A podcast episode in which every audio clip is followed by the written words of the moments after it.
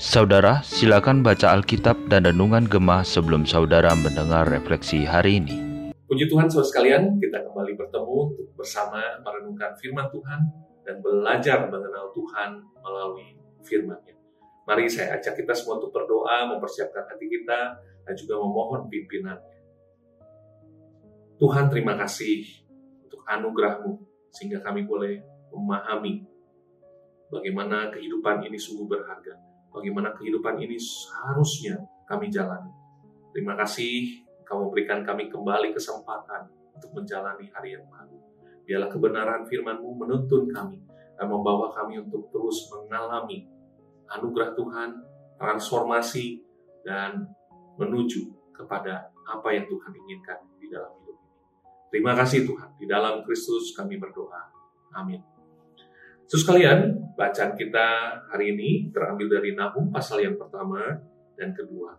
Tapi saya hanya akan mengajak kita untuk melihat Nahum pasal yang pertama, ayat kedua, ketiga, ketujuh, dan kedelapan. Saya akan bacakan untuk kita sekalian ayat yang kedua. Tuhan itu Allah yang cemburu dan pembalas. Tuhan itu pembalas dan penuh kehangatan amarah. Tuhan itu pembalas kepada para lawannya dan pendendam kepada para musuhnya. Tuhan itu panjang sabar dan besar kuasa, tetapi ia tidak sekali-kali membebaskan dari hukuman orang yang bersalah. Ia berjalan dalam puting beliung dan badai, dan awan adalah debu kakinya. Ayat yang ketujuh. Tuhan itu baik. Ia adalah tempat pengungsian pada waktu kesusahan. Ia mengenal orang-orang yang berlindung kepadanya dan menyeberangkan mereka pada waktu banjir. Ia menghabisi sama sekali orang-orang yang bangkit melawan dia dan musuhnya dihalaunya ke dalam gelap. So sekalian, saya bersyukur sekali memiliki kesempatan untuk membaca buku ini. Buku ini ditulis oleh G.I. Packer, Knowing God, atau di dalam bahasa Indonesia, Mengenal Allah.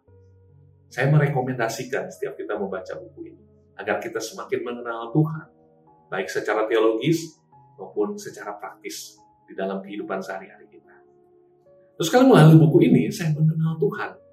Saya mengenal Tuhan sedikit demi sedikit. Walaupun saya percaya bahwa proses mengenal Tuhan ini akan terus berjalan sampai akhirnya nanti saya bertemu dengan Tuhan. Tetapi ini membantu kita untuk mengenal Tuhan.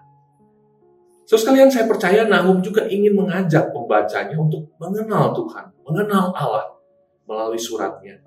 Karena itu di ayat yang kedua, di pasal pertama, Nahum sudah menekankan berulang kali. Tuhan itu, Tuhan itu, Tuhan itu Allah yang cemburu dan pembalas, pembalas penuh kehangatan amarah, pembalas kepada para lawannya.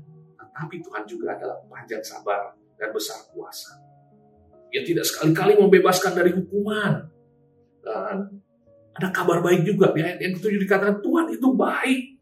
Tempat pengungsian pada waktu kesusahan Walaupun Nahum pada waktu itu memberitakan berita penghukuman, khususnya kepada bangsa Asyur, pada orang-orang Niniwe, kota yang besar kerajaan Asyur, kota yang terkenal karena kejahatannya.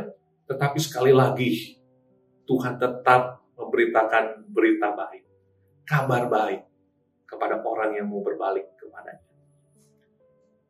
Mengapa Niniwe? Mengapa Asyur akan mengalami murka dari Allah.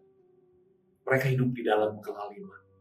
Mereka terus berkubang di dalam kejahatan dan dosa mereka. Salah satu bangsa yang mereka kuasai, mereka tindas adalah Israel Utara. Dan bangsa-bangsa yang mereka jajah, mereka tekan sedemikian rupa, mereka aniaya sedemikian. Sehingga Allah tidak berkenan kepada perbuatan mereka. Dan melalui Nahum, Allah memberitakan bahwa ia murka dan akan mendatangkan konsekuensi atas kejahatan yang dilakukan oleh Niniwe di Asyur. Dan Allah memakai Babel dan juga media menjadi alatnya bagi melaksanakan hukumannya. Allah bisa menggunakan siapa saja. Allah bisa menggunakan apa juga untuk menjalankan rencana Allah menggunakan Babel dan media pada waktu. Asyur yang terkenal sebagai salah satu negara adik kuasa pada zamannya, akhirnya takluk oleh Babel dan media. Allah mendatangkan pasukan yang seperti kirmisi. Warna merah ini melambangkan peperangan, darah yang ditumpahkan, api yang hancur luluh lantakan. Bagaimana Asyur yang digambarkan sebagai sarang singa yang menyeramkan sedemikian rupa. Tetapi sekali lagi semua itu akan diluluh lantakan ketika Allah melancarkan penghukuman. Dan tidak ada yang bisa meluputkan mereka kecuali mereka berbalik kepada Tuhan. Terus kalian berita dari 600 tahun sebelum Masehi. Apa hubungannya dengan kita tahun ini, di zaman ini. Saya percaya tetap di dalam apa yang dicatat melalui firman Tuhan, ada pesan-pesan yang berkenaan dengan kita. Terus kalian dunia kita sekarang ini ada di dalam kuasa dosa, kejahatan, kriminalitas, dosa pengajalela. Ada perang antara Rusia dengan Ukraina. Rusia menginvasi Ukraina. Ada kejahatan, kriminalitas di sekitar kita ada konflik-konflik, dosa-dosa yang terus terjadi. Mungkin kita juga ada di dalam kuasa dosa. Kita melakukan kejahatan demi kejahatan. Tapi sekali lagi, ingatlah, walaupun Tuhan itu panjang sabar, tapi dia besar kuasa. Dan dia tidak sekali-kali membebaskan dari hukuman. Karena itu, gunakan kesempatan yang ada untuk berbalik kepadanya. Karena ia adalah Allah yang baik tempat pengungsian pada waktu kesusahan. Dia membuka tangannya bagi yang mau kembali kepadanya. Dan inilah kabar baik bagi setiap kita. Dia ingin agar setiap kita mengalami kebaikan, mengalami anugerah. Jangan hidup mengikuti arus dunia. Jangan hidup dikuasai dosa. Tetapi kembalilah. Kenalilah Allah kita. Kenalilah jalannya. Dan hiduplah di dalam kebenaran kita untuk merasakan anugerah. Mari kita bangun hidup kita sungguh-sungguh. Mari bangun kewaspadaan, kepekaan, agar kita jauh dari dosa. Agar kita sungguh-sungguh menghidupi kebenaran.